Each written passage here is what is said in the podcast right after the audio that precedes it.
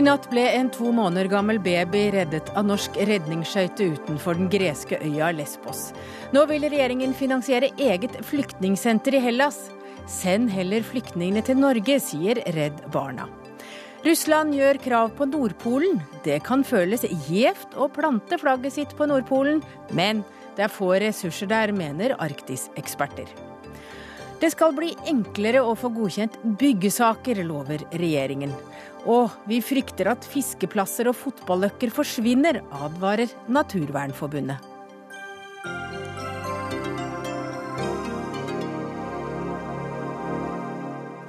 Velkommen til Dagsnytt 18. Jeg heter Hege Holm.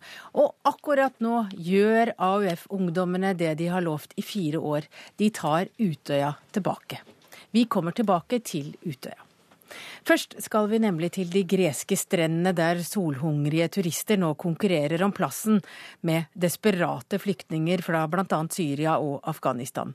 De to siste månedene har over 40 000 flyktninger søkt nødhavn på greske strender, og nå vil Norge hjelpe. Vidar Helgesen, du er EU-minister. Du var selv på Lesbos i går, og hva var det du så? Jeg eh, så en eh, mottaksleir for uh helt nyankomne som hadde kommet natten før. Det kom 1000 stykker uh, bare den natten. Og så møtte jeg, var jeg også på et senter som uh, var for folk som har vært en liten stund lengre. Uh, og snakket med folk som hadde kommet samme natt, som kom fra Syria. Som forklarte om krigen de flyktet fra i Aleppo. Dette er jo folk som kunne ha sittet i Aleppo og drukket cappuccino. Det er en middelklasse som er blitt flyktninger. Og det var en ganske surrealistisk situasjon, for det er altså elendige mottaksforhold, eh, stort behov for hjelp. Og dette er i et av Europas eh, store turistparadiser. Liv Egna, du er kommunikasjonssjef i Redd Barna. Hvor akutt er situasjonen? Eh, situasjonen er så akutt at vi har satt opp en nødhjelpsoperasjon, eh, som, jo, som vi kunne ha gjort i en krigssituasjon og har i andre deler av verden i nødhjelps- eller i krisesituasjoner. Så dette er helt uh, akutt. De uh, menneskene som vi møter, mange av de er barnefamilier og barn, og også barn som kommer alene, uh, lever i stor utrygghet. Det er mottak som Helgesen sier fungerer dårlig. Det er uformelle uformelle leire. Sanitærforholdene er eh, elendige. Eh, de får eh, lite og dårlig mat, og det er også dårlig organisert, som gjør at flere sier at de ikke får mat, eller får mat en gang om dagen, fordi at det er kamp om den maten som er der. Og da er det de som er sterkest, som kommer først i køen. Og Kristin Solberg, du er vår korrespondent i området, og du er på Lesbos. Hvordan er det rundt deg akkurat nå? Ja, Situasjonen er ganske dramatisk her. Det er 109 000 mennesker som er kommet til Hellas i år, og av dem er det 60% som har kommet hit til Lesbos. Det har mye med avstanden til Tyrkia å gjøre. Jeg er i nord, der de fleste båtene kommer inn. Her kommer det ofte 600 1000 mennesker om dagen, og gjerne enda mer enn det. Jeg, for en halvtime siden så møtte jeg mennesker som akkurat var kommet til land. Klærne deres var ennå våte. Da var det seks båter som var kommet på kort tid. De sto eh, og ventet på eh, busser til å ta dem ned til den største byen der de skal registrere seg.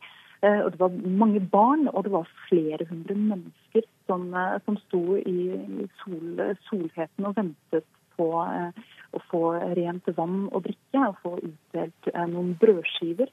Ikke mye hjelp å få, men det var frivillige som var organisert, bl.a. av turister som var organisert for å hjelpe de som var kommet, for ellers var det lite hjelp å få. I hvilken forfatning er flyktningene? De er relativt slite, for mange har hatt en lang reise. Selv om båtturen hit fra Tyrkia er relativt kort. Er, eh, det er ikke som de som drar fra Libya f.eks. og drar, eh, drar, over til Italia. Da kan båtturen ta eh, kan, kanskje opptil en uke og kanskje enda litt mer.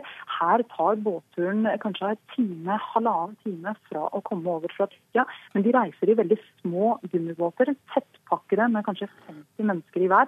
De har veldig lite med seg, for du kan ikke ta med deg veldig mye.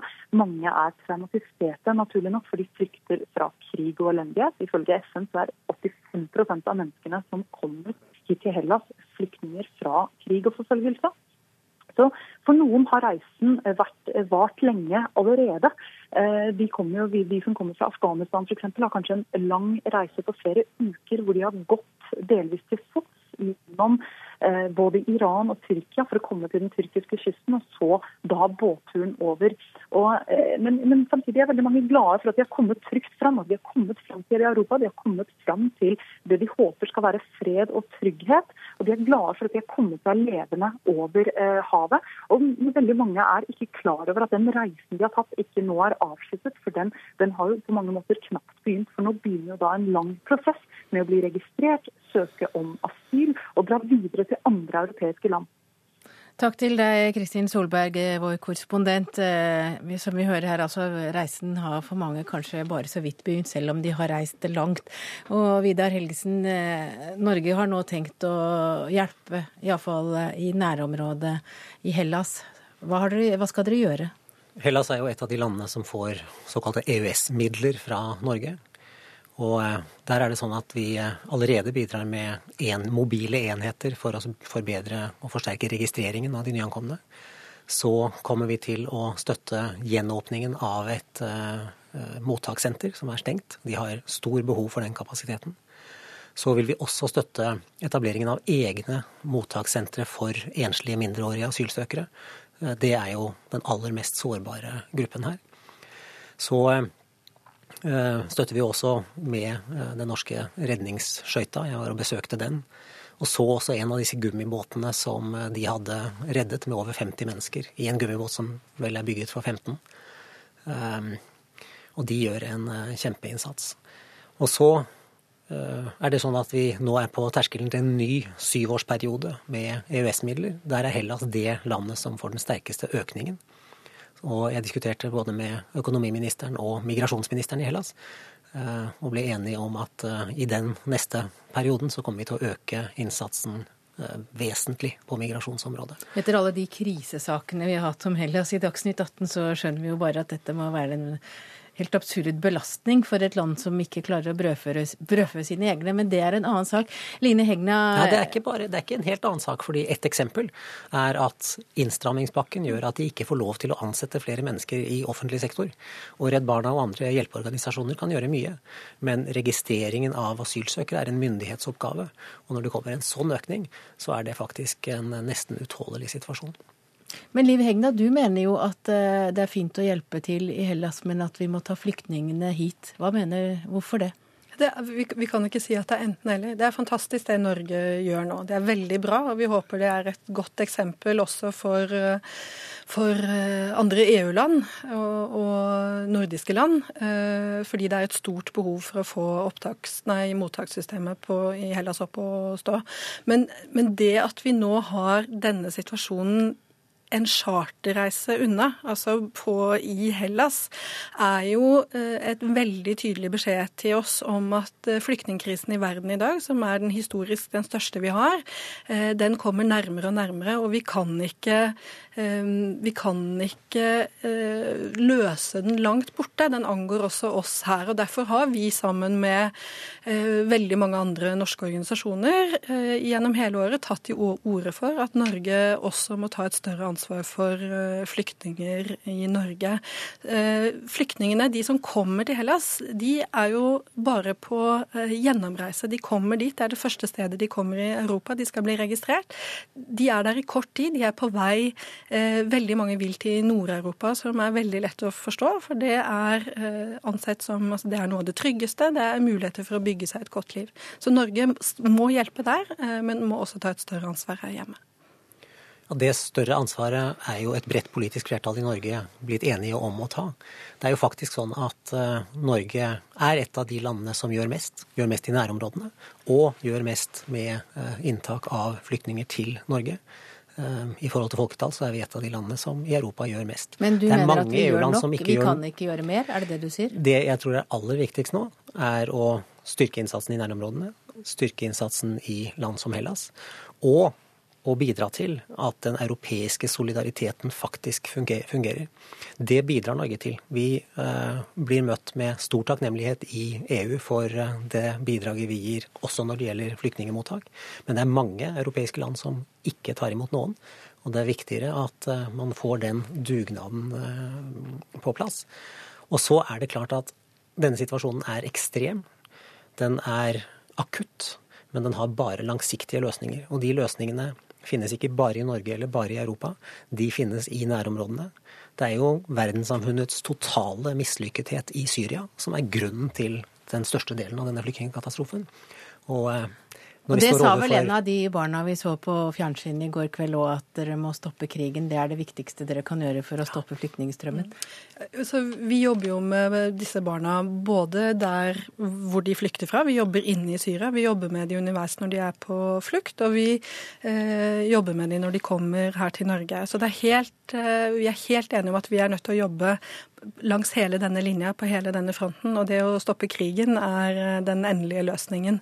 Men, men, eh, men mener du at regjeringen og, og Stortinget og regjering bør fatte nye vedtak om å ta imot flere flyktninger enn det vi allerede Det var et skritt i riktig retning når vi fikk et, eh, en enighet om å ta imot 8000 syriske flyktninger over tre år. Vi ba om 10 000 over to. Det er allikevel forsvinnende lite sammenlignet med hva nabolandene eh, gjør. Siden det vedtaket så eh, har det ikke vært veldig fort fortgang i å få syriske flyktninger til Norge. Og kommunene er opptatt av at de trenger statlige ressurser for å ta imot eh, flere flyktninger. Eh, vi er opptatt av at i eh, lokalvalget som vi går inn i nå, så må det ikke bli et spørsmål om hvor lite vi skal gjøre for å ta imot flyktninger som trenger en trygg havn, men hvor mye vi kan gjøre. Og da er det helt klart at kommunene må være kreative og finne løsninger, og staten må også se hva de kan bidra med. Du skal ikke drive valgkamp, men eh, det kan du, Helgesen? Ja, Det er veldig viktig at det vedtaket som et bredt politisk flertall står bak, blir eh, gjennomført. Og der må vi sette alle kluter til. Eh, men så må vi også erkjenne at denne utfordringen for Norge, men for hele Europa, er enorm. Den er ny, den er som jeg sa akutt, men den er også langsiktig. Vi må regne med, sånn som det ser ut i verden rundt Europa, at dette er langsiktig, en langsiktig oppgave.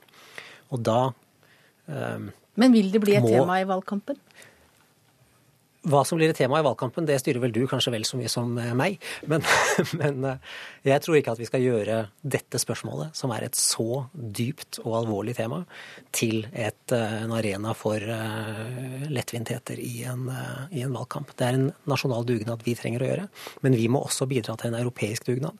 Og vi må bidra til at det, den migrasjonsutfordringen vi ser, også finner sin løsning i opprinnelseslandene og i transittlandene. Norge og andre europeiske land kommer til å bli nødt i årene fremover til å bruke mer bistandspenger i nærområdene eh, og bidra mer til konfliktløsning i nærområdene. For denne situasjonen er helt uholdbar. Jeg håper jo dette blir et eh, tema i valgkampen, for dette er noe av den viktigste saken globalt, og det angår også oss nasjonalt og lokalt. Og den er vanskelig politisk. Takk til deg, Line Hegna, kommunikasjonssjef i Redd Barna, og Vidar Helgesen, EU-minister. Dagsnytt 18 alle hverdager klokka 18. På NRK P2 og NRK2.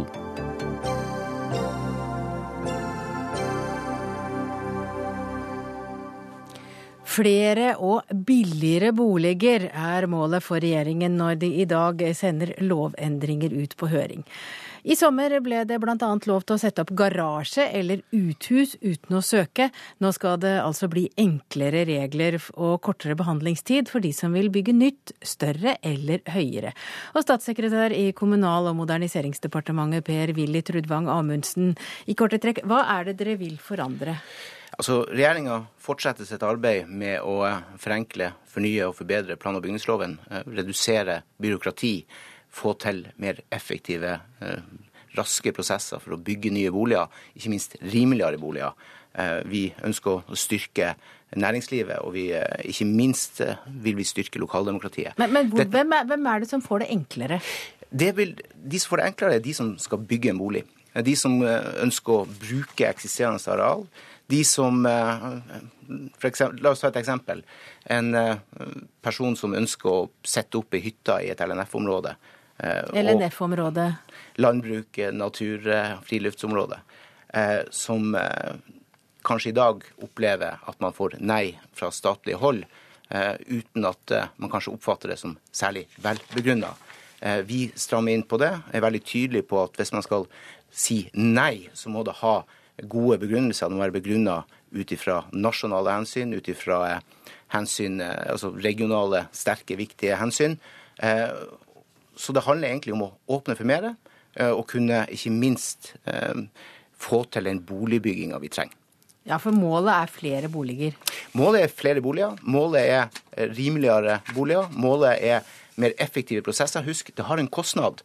Når situasjonen i dag er at man særlig i de store presskommunene opplever at det tar et år å behandle en regionell detaljplan, ja, så, så sier det seg sjøl at det er for lang tid. Vi har anslått med de endringene vi foreslår nå, så vi kanskje ned mot halvere tidsbruken på det. Det er klart det vil få store effekter både i eh, utbygging og ikke minst det økonomiske risikoen man kjører.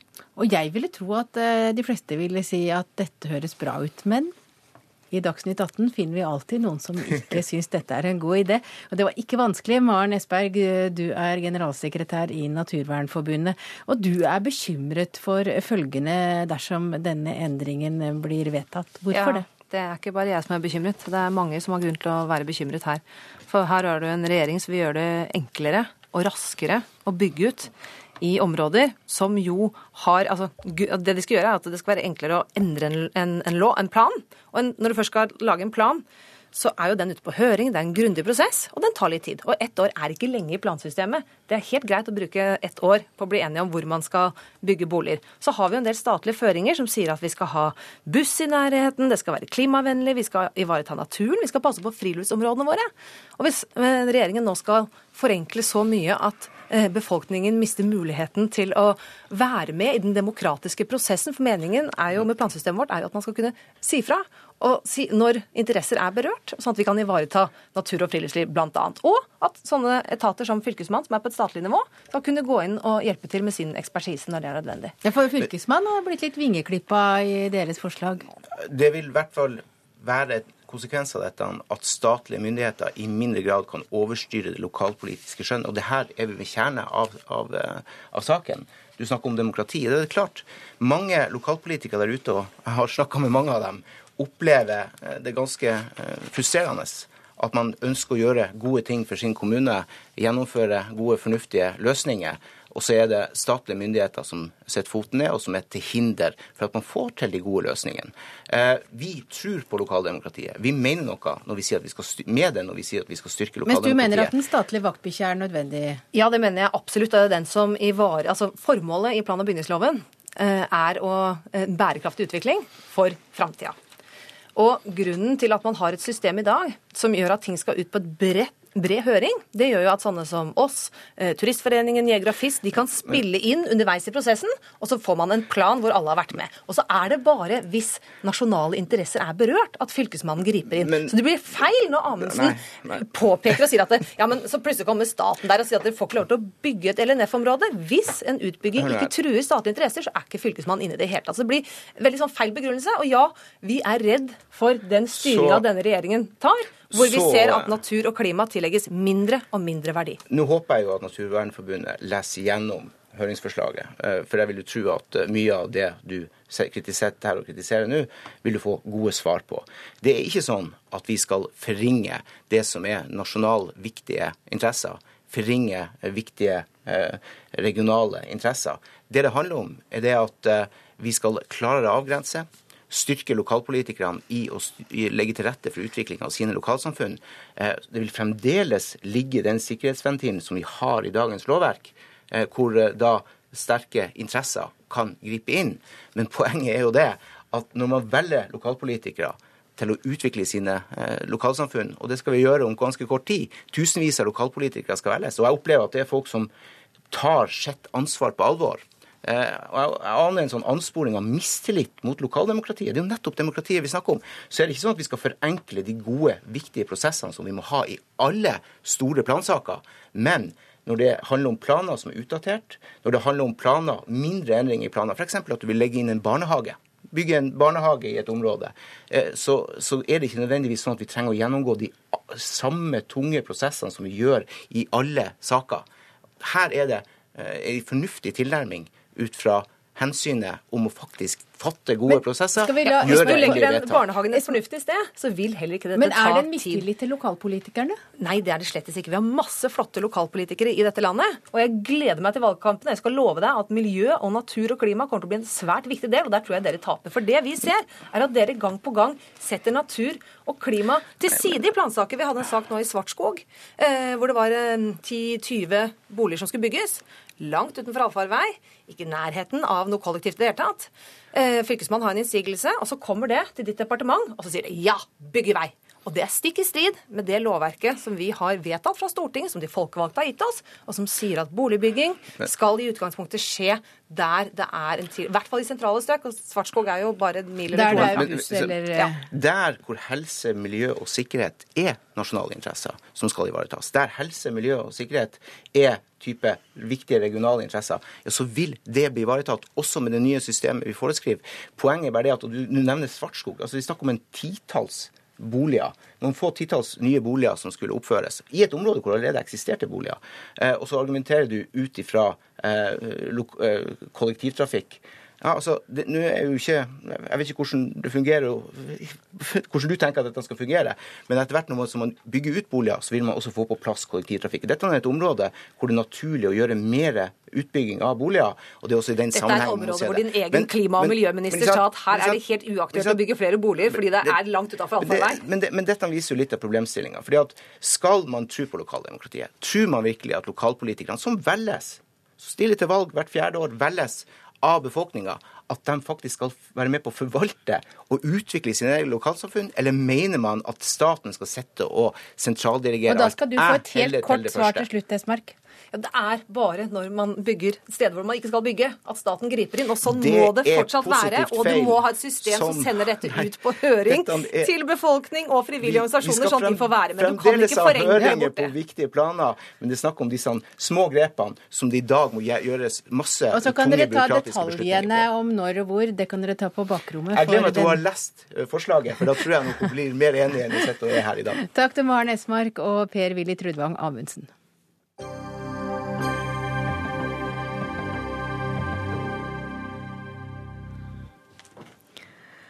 Denne uken har russerne sagt at de vil ha Nordpolen og gjør krav på polområdet. Det er ikke første gang Russland mener at Nordpolen bør være russisk. For allerede i 2001 gikk de ut med det samme kravet, som den gang ble avvist av FNs kontinentalsokkelkommisjon. Og seniorforsker ved Norsk utenrikspolitisk institutt og ekspert på russisk nordområdepolitikk, Elana Wilson Roe. Hvorfor mener Russland at Nordpolen tilhører dem? Ja, men det er noe de kan hevde under havrettskonvensjonen.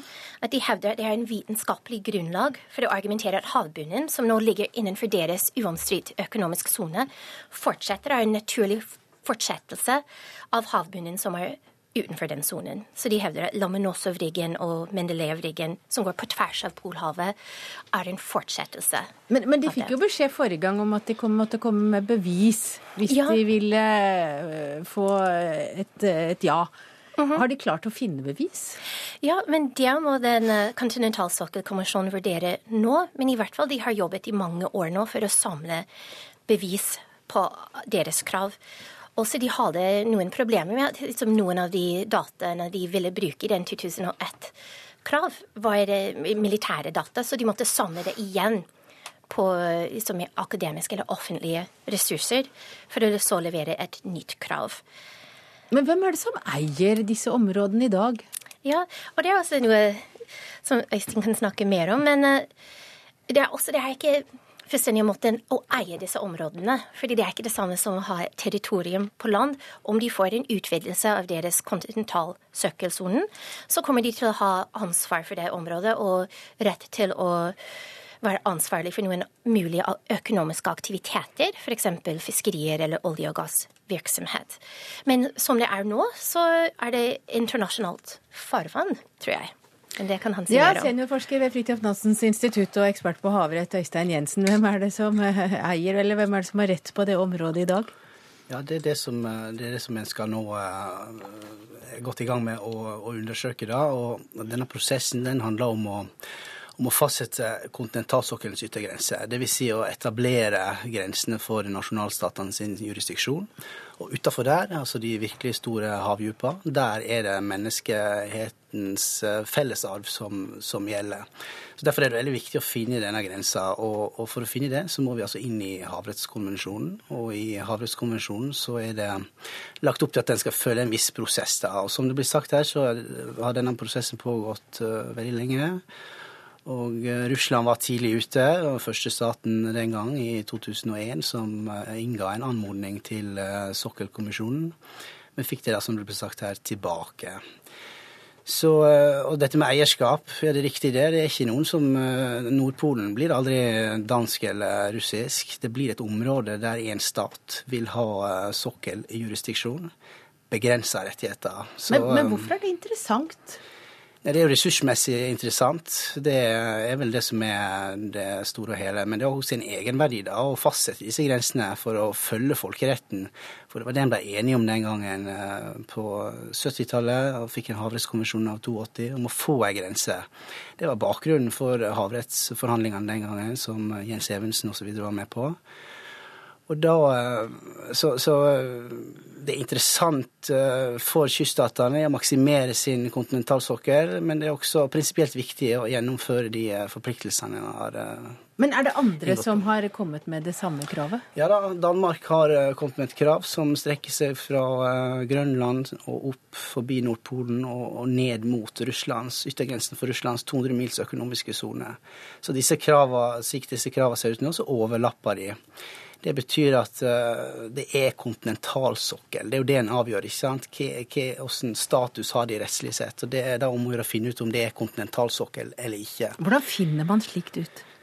Ja, Da må en inn i Havrettskonvensjonen igjen. da, Så må en finne fram til den relevante bestemmelsen, og så må en se hvordan den er definert, kontinentalsokkelen. Og, og, og, kort fortalt så er det altså den uh, Du følger kontinentet utover. Så kommer du til en bakke der eh, havbunnen stuper ned mot de virkelig store havdyp, og der ligger yttergrensa for, for kontinentalsokkelen. Og eh, det krever at du må ned på havbunnen, undersøke, finne vitenskapelig eller, eller, finne ut om geologien er den samme. Og hvis den er det, så er du på en måte innafor da. Og, og dette må uh, kyststatene gjøre, men så er det da satt opp et system der de skal har hjelp, assistanse, eh, fra denne kontinentalsokkelkommisjonen, som er en gjeng med, med geologer som, som, sitter i New York, velkvalifiserte sådan, og, og avgir anbefalinger til kyststatene.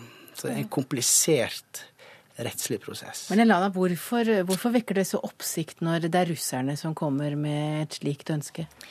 Jeg tror det er i, i lys av Russlands annektering av, av Krim og den forverret politiske klima som vi har nå mellom Russland og, og Vesten, så er det kanskje ikke overraskende at andre land er, reagerer, eller medier kan reagere på at dette er et stort krav, og Russland vil ha kontroll over disse men, men, store områdene. Men kan russerne komme til å annektere Nordpolen? Nei, og det er det som er interessant. Deres, det kravet de leverte, kom ikke som en overraskelse for noen av de arktiske land som er involvert i prosessen. F.eks. Danmark og Canada, Russland, også til og med Norge og USA, har møtt jevnlig siden 2007 for å diskutere spørsmål rundt litt kartlegging av kontinentalsøkkel. Også f.eks. Danmark og Canada har samarbeidet mye om felles datainnsamling. Så det har vært en del samarbeid på tvers av disse landene for å opparbeide det vitenskapelige grunnlaget som nå leveres til kontinentalsokkelkommisjonen. Og når det gjelder hva politikken rundt dette, som, som vi var inne på Kommisjonen kommer til å vurdere det vitenskapelige og juridisk grunnlag i det kravet. Men også om det er overlappende soner, så er det som de går inn i forhandlingene mellom de landene som er involvert. De kan være bilateralt, om de er to land eller, eller, flere. Og det vi kan forvente der, fra Russland, tror jeg er en ganske en linje hvor de vil sikkert oppnå håpe å oppnå store territorium, men også det har vært viktig for dem å framstå som medgjørlig i Arktis, søke kompromiss, og det har tjent deres politiske og økonomiske interesser så langt. Og jeg leste et sted at det kan ta 15 år. Ikke sant? Takk for at dere kom til Dagsnytt 18, Lena Wilson Rowe og Øystein Jensen.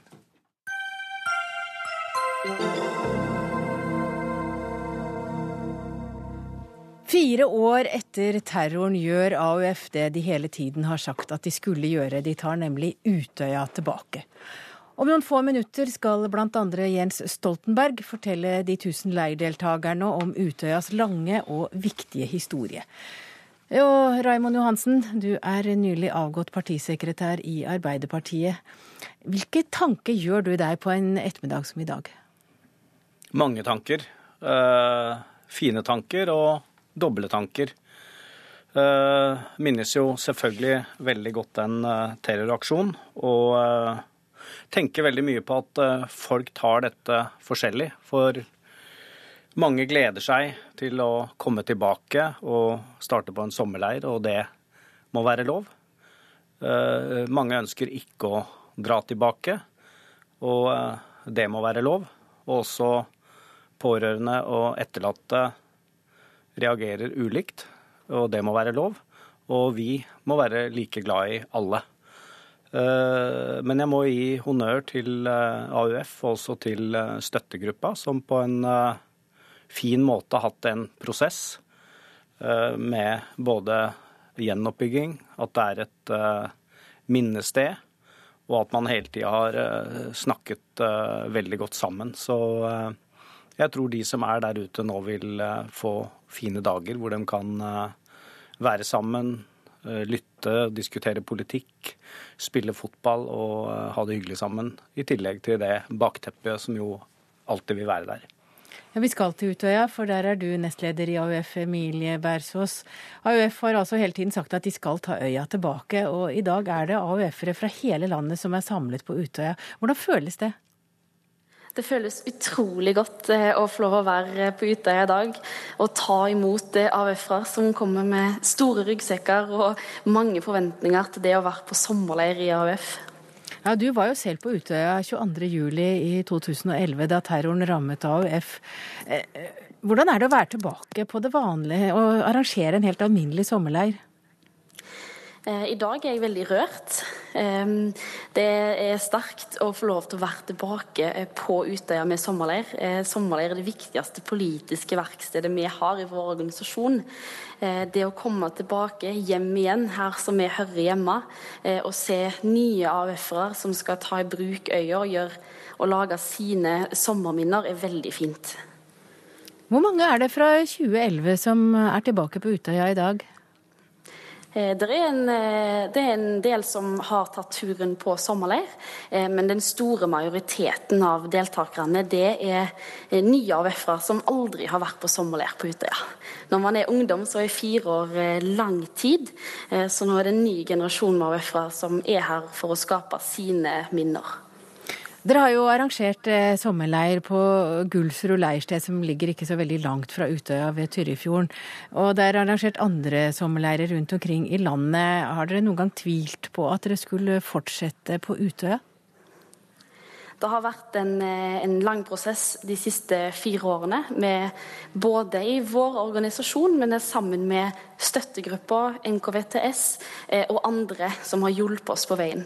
Vi har visst at eh, vi skal ha sommerleir på Utøya igjen, men vi har lytta, fått gode råd, justert kursen et par ganger og tatt den tiden som vi både støttegrupper har eh, ønska fra oss, men òg den tiden som vi som organisasjon eh, har trengt. Hvordan er stemningen nå? Nå har jo mange kommet dit, og dere skal i gang. Dere har jo startet opp med, og dere skal fortsette med samtaler om Utøyas historie.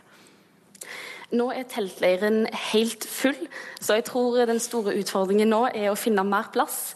Eh, og så ser jeg at det er veldig mange som beveger seg nedover mot bakken eh, og er klare for å høre Trond Giske og Jens Stoltenberg og Mani og mange flere fortelle om Utøya sin historie. Men da skal du få slippe, Emilie, så skal du få gå og høre på du også. Takk for at du kunne være med i Dagsnytt 18, Emilie Bersås, nestleder i AUF. Men Raimond Johansen, du er her i studio. og Hva har Utøya betydd politisk for Arbeiderpartiet? Det har betydd uh, veldig mye. Uh, AUF fikk jo denne til, uh, i gave i 1950 av samme organisasjon. Først så var det et sted hvor vanskeligstilte unge hadde feriekoloni i 1933. Så man bygde opp dette til å være et veldig viktig samlingssted. Veldig mange Arbeiderpartiledere har fått sin opplæring der. Et sted å diskutere, være sammen. Etter hvert så har det også vært et veldig viktig sted for partilederen, og da ofte statsministeren, til å komme der og eh, diskutere med, med ungdommen. Og i en del eh, perioder så har det også vært et uh, viktig sted for å samle opposisjon mot Arbeiderpartiets ledelse. Både i 1972 rundt EF-kampen og for så vidt i uh, 1994 når det gjaldt EU. Så var det jo veldig sterkt miljø på, som diskuterte på Utøya også. Greid å sette miljøspørsmål, krevd avklaring i viktige skolepolitiske spørsmål. Så dette har vært et, et viktig sted. Både det å, å lytte og komme med politiske utspill og, og samle seg i, eh, i, den store bevegelsen som eh, arbeiderbevegelsen er. Men mener du at det er skapt eh, politiske ideer der også, eller at ja. partiet har tatt nye retninger, eller? Og, åpenbart. Også, jeg er usikker på, uten det vil jo sikkert historiefortellingene som de har i dag, med Jens og Trond, snakker mye om. Det er ingen tvil om at f.eks. miljøspørsmålet har AUF satt på, på dagsorden, bruker den sterke manifestasjonen det er hvor det er 1000 ungdommer komme, eh, som er til stede, og partiledelsen og andre kommer dit, så eh, er det høylytt og veldig, veldig tydelig. og da er det en viktig lyttepost. Og det har skapt mye politikk der, både internasjonal solidaritet, miljøpolitikk og skolepolitikk, som jeg vil kunne, kunne, kunne framheve. Vet du hva de, skal, hva de har på programmet i år? Hvem er det de da jeg skal vel ut og grilles på søndag, så må vi være, være forberedt på det. Så... Gruer du deg? Nei, Jeg gleder meg til det. Det er uh, fint å uh, Nå blir det lokalvalget som uh, skal være på dagsorden. Og jeg gleder meg til det. Det er ikke det mest kontroversielle sånn internt hos oss. Men det har vært et viktig, viktig politisk verksted og betyr veldig mye. Og jeg er imponert over hvordan Eh, AUF har klart å forvalte den doble arven som de nå gjør etter den katastrofen som skjedde 22.07, og samtidig etablere et sted å kunne være sammen med den respektfullheten det krever overfor at folk velger forskjellig eh, på en dag som denne. Takk for at du kom til Dagsnytt 18, Raimond Johansen. Du er altså tidligere partisekretær i Arbeiderpartiet. Og nå stiller du til valg i Oslo. Hør Dagsnytt 18 når du vil. Radio NRK.no. I dag er det 70 år siden amerikanske bombefly slapp atombomben Little Boy over Hiroshima. Bomben utslettet Hiroshima by, og ved utgangen av desember 1945 hadde 140 000 mennesker mistet livet. Tre dager senere ble bomben Fat Man sluppet over Nagasaki. Og Sverre Loddgaard, du er seniorforsker ved NUPI. Var det nødvendig å bombe Hiroshima og Nagasaki for å få en endelig slutt på andre verdenskrig? Det er den amerikanske versjonen, at atombomben var nødvendig for å få en snarlig slutt på krigen og spare amerikanske liv. Eh, men det finnes jo også en annen forklaring, eh, som antagelig teller tyngre. Og Den begynner med at eh, Hiroshima eh, ikke gjorde spesielt eh, sterkt inntrykk på den japanske ledelsen. For USA hadde jo allerede bombet mange titalls byer i Japan. Jevnet dem med jorda, og brannbombingen av Tokyo tok flere menneskeliv enn det som umiddelbart gikk tapt i, i Hiroshima. men så kom den sovjetiske krigserklæringen i altså den 8. oktober. Og til da hadde eh, Japan håpet på en forhandlet kapitulasjon eh, med Moskvas eh, hjelp, eller Moskva som, som mellommann. Men da krigserklæringen kom og 1,5 millioner sovjetiske soldater drev japanerne på flukt hals over hode i Manchuria, på Sakhalin og andre steder, gikk den muligheten tapt, og Japan befant seg i en tofrontskrig. Så da meldingen om bombingen av Nagasaki kom eh, på ettermiddagen den 9., så satt japanerne allerede og diskuterte eh, ubetinget eh, eller betingelsesløs kapitulasjon. Atombomben kan ha spilt en rolle, vi skal ikke være skråsikre på det. Men vendepunktet kom etter all sannsynlighet med den sovjetiske krigserklæringen. Hva var det egentlig som skjedde i Hiroshima 6.8? Først eh, det intense lysglimtet, eh, så eh, sjokkbølgen og brannstormen, som sammen med den umiddelbare strålingen tok 80 000 menneskeliv momentant. I slutten av året var tallet kommet opp i 140 000, og etter det døde veldig mange flere pga. senskadene. For Hiroshima og Nagasaki totalt så var det dobbelt så mange som døde av senskader som det var som døde umiddelbart. Hvilke konsekvenser har USA fått etter bombingen? De har jo fått vite mer da, om eh, senskadene og de grusomme virkningene over tid. Ja, var dette ukjent eh, i forkant? Eh, I prinsippet så visste man jo litt om eh, virkninger på lang sikt. Men det er klart, eh, i 1945 så hadde man ingen konkrete eh, forestillinger om det. I de to første tiårene etter 45 var det vanlig å si at Eh, etter hvert som man fikk vite mer, eh, så skjønte man enda mer av eh, det man enda ikke hadde svar på. Altså sagt, man, sagt med andre ord, etter hvert som sirkelen av det, av det, kjente utvidet seg, så utvidet horisonten av det ukjente seg enda, enda mer. Så dette hadde man i 45 bare helt rudimentære forestillinger om. Men en kan jo spørre seg hvorfor seierherrene aldri blir, kommer for en krigsdomstol? Ja, det er klart at bombingen av eh, Hiroshima, Dresden også for den saks eh, skyld, eh, er soleklare folkerettsbrudd etter dagens folkerett. Og så er det da slik som du antyder, at etter store kriger mm. så er ikke alle like for folkeretten. Da er det altså seierherrene som dømmer den tapte. Mm. Hvordan merker man etterdønningene i dagens Japan? Krigen eh, skapte en veldig sterk eh, pasifistisk holdning i den japanske befolkningen, og det reflekteres jo da også i eh, konstitusjonen. Nå er det en endring i konstitusjonen på gang som gjør at Japan kan delta i internasjonale operasjoner, mer på linje med andre land. Men da det forslaget ble, ble lagt, Eh, så var det et stort flertall i den japanske befolkningen som var imot. Og i dag er det også omtrent halvparten som er imot en slik, en slik endring. Eh, så dette sitter ganske dypt i den japanske folkesjela. Men ledelsen eh, vil det altså nå annerledes koordinert med USA. Takk for at du kom til Dagsnytt 18, Sverre Loddgaard. Da kan du 3A. Så får vi et nytt panel, og vi skal ikke, vi skal ikke slippe temaet. For eh, det er altså 70 år siden eh, atombomben ble sluppet over eh, Hiroshima.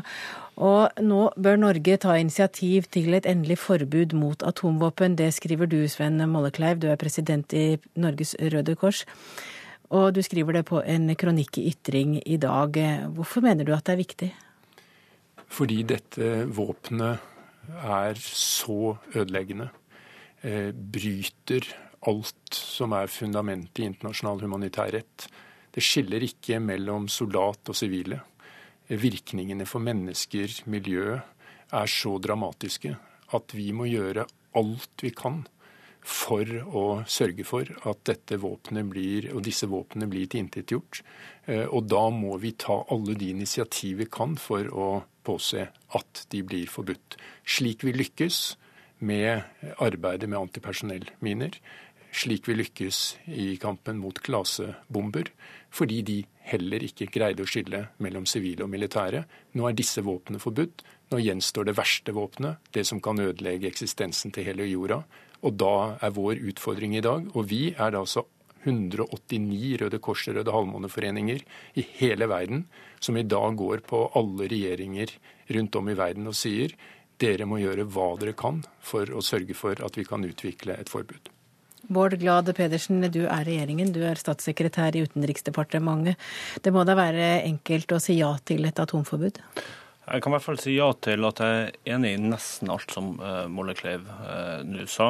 Helt enig i at vi er nødt til å oppnå en verden uten atomvåpen. Helt enig i at en detonasjon, enten en ville handling eller en ulykke, vil ha katastrofale følger. Og de bombene vi har uh, i dag, er jo mye større enn den som ble sluppet over Hiroshima. Vi har hørt om de konsekvensene av, det og mintes det i dag.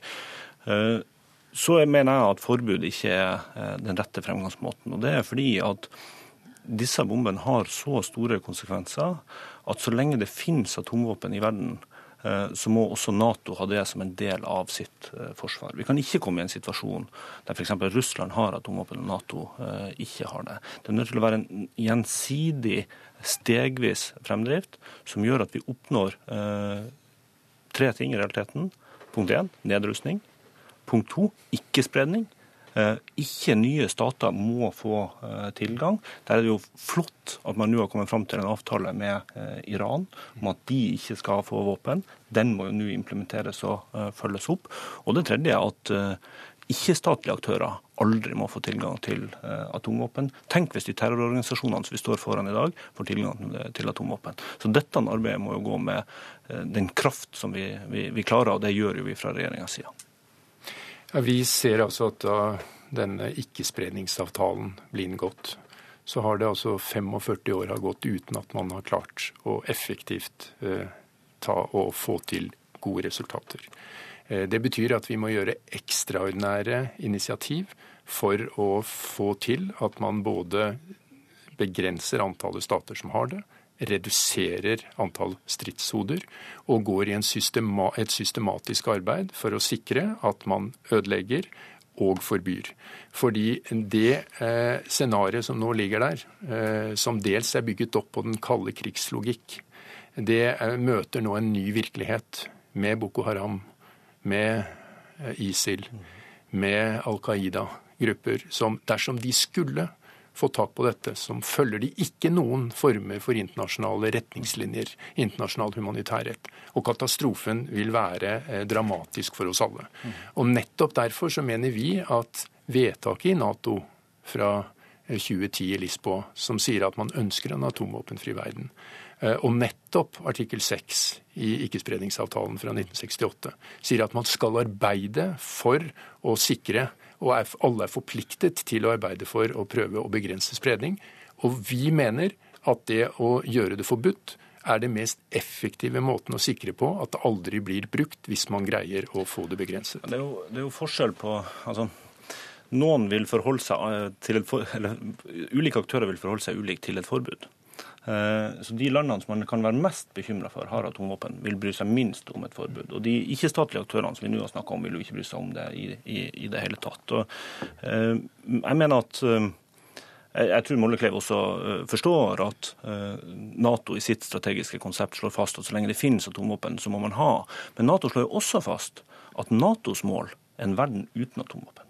At vi må komme dit. Men er det ikke og, vanskelig hvis ingen vil og, på en måte ta og, det første Men Jeg får bare si to, to, små ting til. og det er at Nato slår jo også fast uh, at bruk av atomvåpen fra, uh, fra, fra Natos side er det som extremely remote heter. Altså helt, helt usannsynlig. På den andre siden så ser man at Russland uh, nå øker betydninga av atomvåpen eh, i sitt forsvar. Vi ser at Putin har snakka om mulig bruk av atomvåpen i Ukraina. og Det viser jo den store utfordringa som vi står foran, og hvorfor det er nødvendig med et systematisk arbeid både for nedrustning. Der har USA tatt initiativ overfor Russland og sagt at vi vil gjerne inngå nye avtaler for ytterligere nedrustning. Dessverre har ikke Russland respondert på det. Og at vi må ha et systematisk arbeid for ikke-spredning, og kunne bekrefte eh, ikke-spredning. For eh, Konsekvensene av brudd på dette vil jo være katastrofale. Vi har jo sett i Syria hva som har skjedd når de har brutt forbudet mot kjemiske våpen. Eh, helt forferdelig. Det ville jo vært enda mye mye verre hvis de hadde hatt atomvåpen. Men Mollklepp, du mener at Norge skal signere på et opprop som går for forbud, uansett Nato-medlemskap og og jeg, andre hensyn? Jeg mener at et Nato-medlemskap eh, ikke er til hinder eh, for å arbeide for et, eh, en atomvåpenfri verden. Nato har selv vedtatt det. Jeg mener ikkespredningsavtalen oppfordrer alle til å arbeide aktivt for det, slik at det er ikke noe til hinder for det.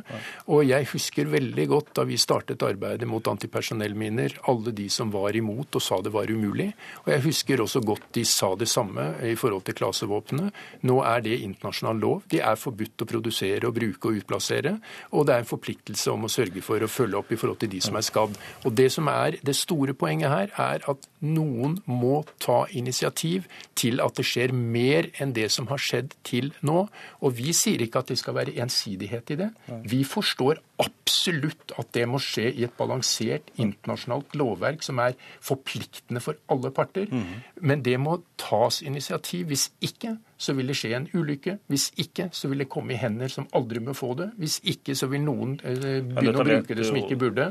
Og Derfor så må man ta initiativ mer enn det som har vært gjort. Men det kommer ikke den norske regjering til å gjøre Ja, vi, vi, i din jobbe, tid, ja, vi, Bård Glad kommer til, Pedersen. ja, vi kommer til å jobbe knallhardt for nedrustning, for ikke-spredning, for å unngå de konsekvensene som du eh, peker på. Men ingen land har støtta i Nato har, har støtta et forbud som den rette måten. Det kan ikke vi heller gjøre, men det er ikke til hinder for at vi kan jobbe så hardt som vi kan for en verden uten atomvåpen. Så blir dere i hvert fall fulgt. Dere blir i hvert fall fulgt med argusøyne. Takk for at dere kom til Dagsnytt 18, Sven Mollekleiv og Bård Glad Pedersen.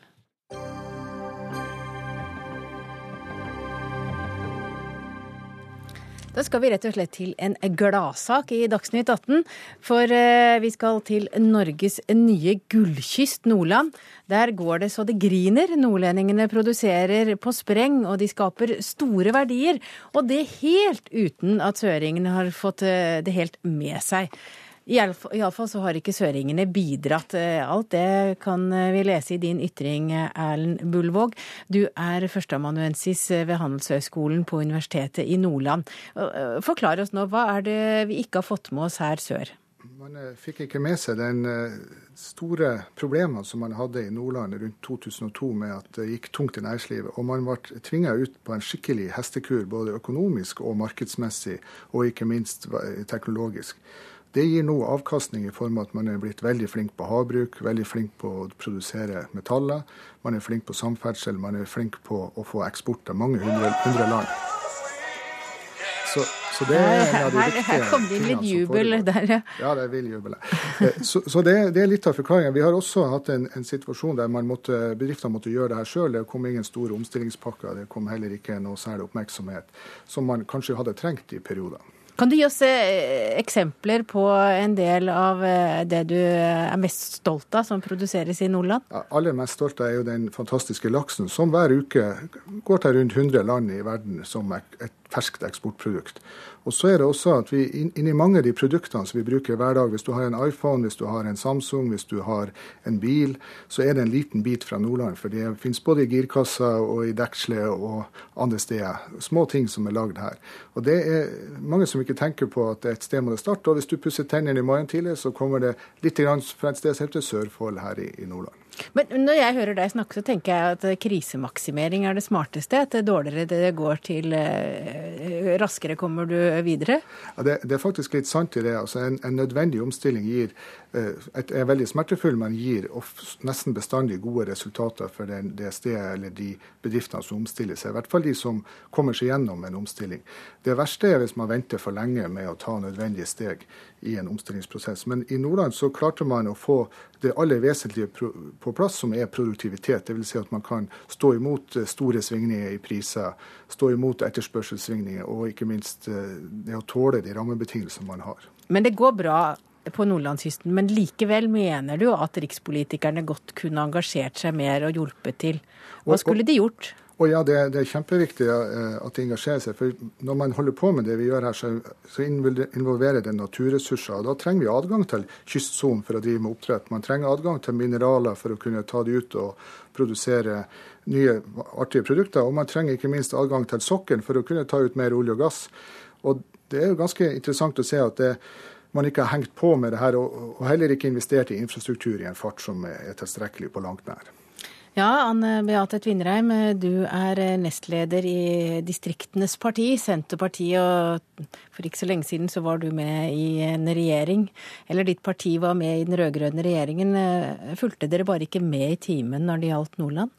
Altså Jeg er helt enig med Bullevåg i alt bortsett fra én ting, og det er at det ikke er noen som får med seg hva som skjer rundt omkring i landet, inklusiv i Nordland. For jeg vil nå si at uh, er det noen som har prøvd å rope, rope høyt om uh, behovet for å uh, se all den verdiskapingen som skjer rundt omkring i landet, så er det vel Senterpartiet. Og, og de satsingene som vi pressa fram i vår tid i regjering, eh, nordområdesatsinga, distriktsløftet og samferdselsløftet, eh, har i høyeste grad bidratt til at skuta er snudd i Nord-Norge. Og ingenting er, eh, er, er bedre enn det. Men når jeg sier at jeg er enig med Bullevåg i nesten alt som står her, eh, så handler det om at ja, Det er en massiv uvitenhet i store deler av rikspolitikken og ja, la meg si det sentrale Østland om hva som egentlig skjer rundt omkring i regionene i Norge. Av en eller annen merkelig grunn så er det fryktelig mye lenger fra Oslo til Nordland enn det er fra Nordland til Oslo. Og, og jeg tenker at noe av det samme, det samme som, som gjennomsyrer Bullvågs frustra, altså den frustrasjonen som han uttrykker i denne kronikken, ser vi også når eh, ikke sant, samferdselskrav f.eks. da fra Nord-Norge eh, blir på en måte oppfatta blant sentral, mange sentrale politikere og beslutningstagere som nærmest en sånn derre eh, mas om subsidier og ineffektive investeringer i Distrikts-Norge. Eller eh, når, eh, når, man ønsker å flytte statlige arbeidsplasser ut av Oslo til andre, andre regioner, så er det nærmest helt håpløst. Og Det er også noe vi... som står på ønskelista til Bullvåg. Vi har med oss ja. en som sitter i samme studio som deg, vi Bullvåg Kenneth Svendsen, stortingsrepresentant for Fremskrittspartiet. Du sitter også i Bodø. Har dere politikere forsømt dere når det gjelder å løfte Nordland? Nei, jeg mener at vi ikke har gjort det. I hvert fall ikke Høyre-Fremskrittsparti-regjeringa. For Det han Bullvåg etterlyste, er jo å få muligheten til å utnytte de enorme ressursene som er i Nordland. Det er olje og gass, det er mineraler, og det tar altså en 15 15-20 år få, bare i papirarbeid for at du får en tillatelse til å drive med sånne ting. Og Det er jo det vi må korte ned. og Det er jo en av grunnene til at eh, Fremskrittsparti-Høyre-regjeringa har nå gjort noe i forhold til innsigelsesretten til Fylkesmannen. Eh, det investeres eh, enorme summer på samferdsel i Nordland for å få produktene ut til markedene. Det er tinga som, som, er veldig bra. Men Kan du tenke deg å flytte statlige arbeidsplasser fra Oslo til Nordland? Ja, helt åpenbart at det er mulig å gjøre det. Eh, vi har nu, nu, som for eksempel? Ja, for eksempel så er det sånn at nå holder vi på å kjempe for dette med de som skal ha bompengeinnkrevinga, den nasjonale bompengeinnkrevinga. Det er noe som helt åpenbart burde kunne legges til, til Salten-området. Du høres ikke veldig glemt ut, eh, Bullvåg? Nei da, det har, har jo bedret seg litt. Det her, men eh, jeg tror fortsatt at det at, at politikerne i større grad tør å ta beslutninger som det også er motstand mot, men som det er allmenn eh, interesse for, gir god næringsvirksomhet og god verdiskapning, og også nye arbeidsplasser, er viktig. Og Da må det kanskje sterkere ideologiendringer inn i, i norsk politikk enn vi har hatt. Sånn at det ikke blir bare det som er rett i Oslo, som slår gjennom på Stortinget. Ja, Er det sånn, Tvinnereim? Jeg må jo bare få arrestere herr Svendsen på, på, det han kom kommer med her. F.eks. dette med innsigelsesmyndigheten til Fylkesmannen. Var det da vitterlig den rød-grønne regjeringen som grep fatt i? Og, og, din egen regjering har altså kutta med ett pennestrøk 250 millioner i infrastrukturmidler bare til ditt fylke. Bare Nordland. Og da nevner jeg ikke de andre fylkene som har fått, eh, fått sletta sine, sine regionutviklingsmidler. Um, Nei, nå, tror jeg, man er litt på viddene. Altså, nå er det et høringsforslag eh, som, fylkes, om, som innsigelsesretten som er ute til høring, så det kan umulig være den, eh, det som Senterpartiet har klart gjennomført. Og det er vel aldri satsa så mye på samferdsel og infrastruktur som akkurat nå. Det bygges over hele Nordland. Eh, og det, og det skjedde altså ikke under den forrige rød-grønne regjeringa der Senterpartiet var med. Jeg konstaterer at de snorene som klippes rundt omkring i landet, er vel veier som starta oppbygging under den rød-grønne regjeringa. Men vet du hva, jeg, jeg, jeg synes sånne debatter om hvem som gjorde mest og sånn, egentlig er ganske kjedelig. Det høres ut som uh, vi alle tre er, er enige om uh, om én ting, og det er at uh, Nordland, resten av Nord-Norge og i det hele tatt regionene i Norge trenger um, de trenger mer oppmerksomhet, og de trenger uh, midler til infrastruktur. Det er vel det det hele og, og, og det er, handler om oppmerksomhet? Ikke sant? Det her handler jo om, om ønsket om å bremse den sentraliseringa som ensidig går til det sentrale østlandsområdet. Altså, Senterpartiet mener at vi må f.eks. styrke de regionale byene, istedenfor at all, uh, all, sentralisering går til Oslo-gryta, sånn som og vi ser med dagens regjering. Og det har vel du egentlig sagt at du er ganske enig i, Svendsen? Ja, det er helt åpenbart at eh, de etater og, og arbeidsplasser, statlige arbeidsplasser de bør fordeles rundt omkring i landet der det er mulig å gjøre det. Så får vi se om Bullvågs rop om oppmerksomhet når lenger enn til Dagsnytt 18. Takk for at dere kunne være med. Denne sendinga er nemlig slutt. Ansvarlig var Sara Victoria Rygg. Det tekniske sto Erik Sandbråten for, og jeg heter Hege Holm, og vi høres igjen i morgen.